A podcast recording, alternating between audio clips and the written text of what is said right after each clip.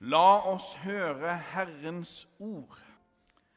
Det står skrevet i evangeliet etter Johannes. Det var en mann som het Nikodemus. Han var fariseer og en av jødenes rådsherrer. Han kom til Jesus om natten og sa, 'Rabbi, vi vet at du er en lærer som er kommet fra Gud. For ingen kan gjøre de tegnene du gjør, uten at Gud er med ham.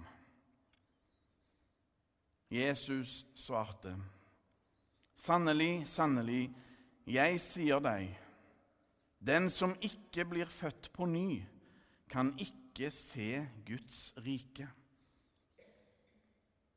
Hvordan kan en som er gammel, bli født? sa Nikodemus. Kan noen komme inn i mors liv igjen og bli født for andre gang? Jesus svarte, Sannelig, sannelig, jeg sier deg, den som ikke blir født av vann og ånd, kan ikke komme inn i Guds rike. Det som er født av kjøtt, er kjøtt men det som er født av Ånden, er ånd. Undre deg ikke over at jeg sa til deg, dere må bli født på ny. Vinden blåser dit den vil, du hører den suser, men du vet ikke hvor den kommer fra, og hvor den farer hen. Slik er det med hver den som er født av Ånden. Hvordan kan dette skje? Spurte Nikodemus. Jesus svarte, 'Du er en lærer for Israel og vet ikke det.' Sannelig, sannelig, jeg sier deg, vi taler om det vi vet, og vitner om det vi har sett. Men dere tar ikke imot vårt vitneutsagn. Hvis dere ikke tror når jeg taler til dere om det jordiske, hvordan kan dere da tro når jeg taler om det himmelske? Ingen annen er steget opp til himmelen enn Han som er steget ned fra himmelen, menneskesønnen som er i himmelen. Slik lyder det hellige evangelium. Også Bibelen kan misbrukes. Jeg hørte en gang om en episode som skjedde i forbindelse med en festforestilling i Oslo i regi av Det Norske Bibelselskap. Tida var kommet for latter og moro. Og moromannen de hadde hyra inn, fikk virkelig i gang latteren. Akkurat som bestilt. Så spurte han om det var en prest til stede. Relativt sannsynlig, selvfølgelig. Og de som satt i nærheten, pekte på han som de visste var prest. Og han rakte litt motvillig opp hånda etter press fra de andre. Der har vi en prest, sa komikeren. Kan du fortelle oss hva som står i Johannes tre ti. Nei, sa presten, som sant var. Jo, sa den innleide komikeren, der står det Du er en lærer for Israel og vet ikke det. Latterbrølet sto i taket. Og jeg vet at det var en ganske så vond opplevelse for den ene presten det gjaldt. For alle lo av han. Det ble opplevd som en ren utdriting i alles påhør. Festen ble ødelagt for den ene. Tilbake oss sto skammen og flauheten. Latterliggjøring gjør vondt. og et bibelord kan svi. Og så var det ikke slik Jesus mente det.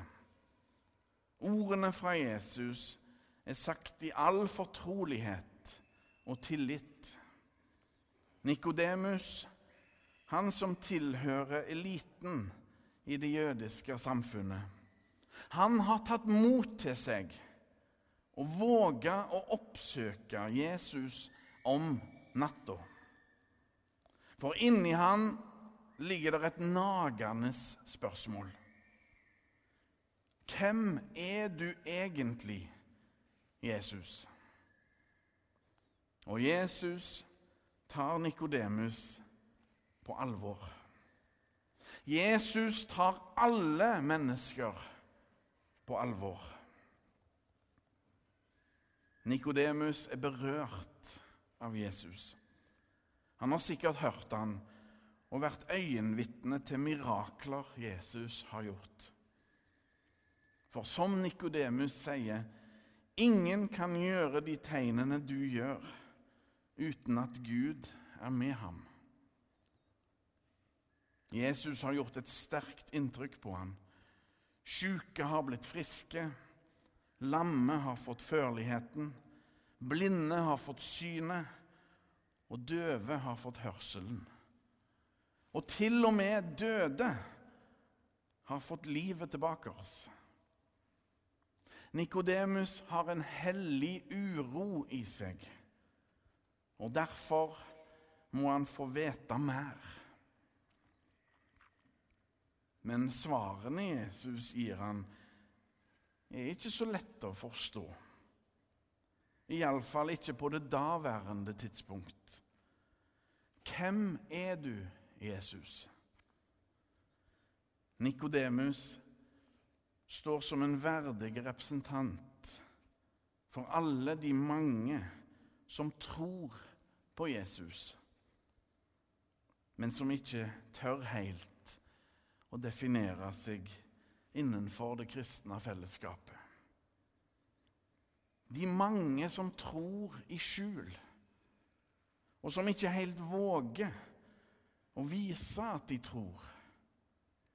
Som ikke føler seg helt hjemme i kirka og gudstjenesten, eller tar del, ikke tar del i nattverdmåltidet. De tror på Jesus, men kommer helst til han om natta når ingen ser de. Jeg tror det er mange av de. Og vi som kirke skal ta de på djupeste alvor. For de er egentlig innenfor vårt trosfellesskap uten å vite det sjøl. De våger bare ikke å inkludere seg sjøl. Nikodemus han må ha vært en kloke og trygge mann. For han tør å stille de litt dumme spørsmålene, dumme i hermetegn, som fører til ny innsikt. Tenk at en så oppegående person, en lærd, våger å stille Jesus de spørsmålene som han gjør. Nikodemus er både kloke og trygge, for han tør. Jesus er Guds sønn og vet hva han snakker om.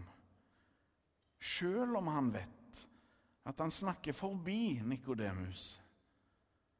Han taler om det som skal komme, og som òg Nikodemus en dag vil innse betydningen av. Å bli født på ny av vann og ånd, det gir mening når den kristne dåp kommer på banen. Da er det at Jesu utsagn får mening og dybde. Da er det at Nikodemus endelig forstår svaret som han fikk den natta.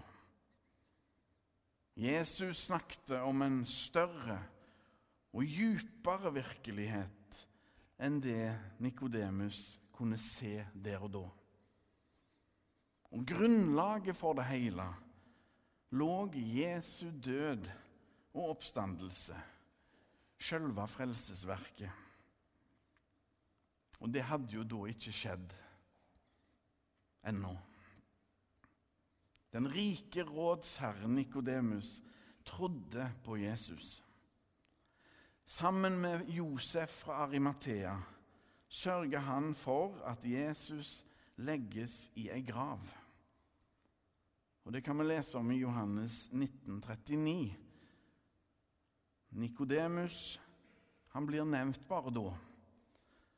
Han tar med seg over 30 kilo velluktende salve. Det viser vel egentlig hvor velstående han var.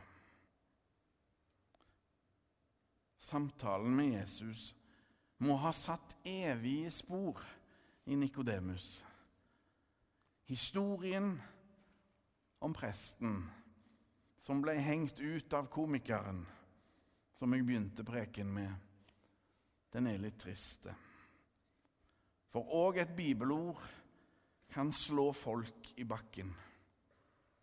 Men skråsikkerhet og latterliggjøring er ikke Guds måte å opptre på. Gud er kjærlighet og viser respekt og omsorg for alle.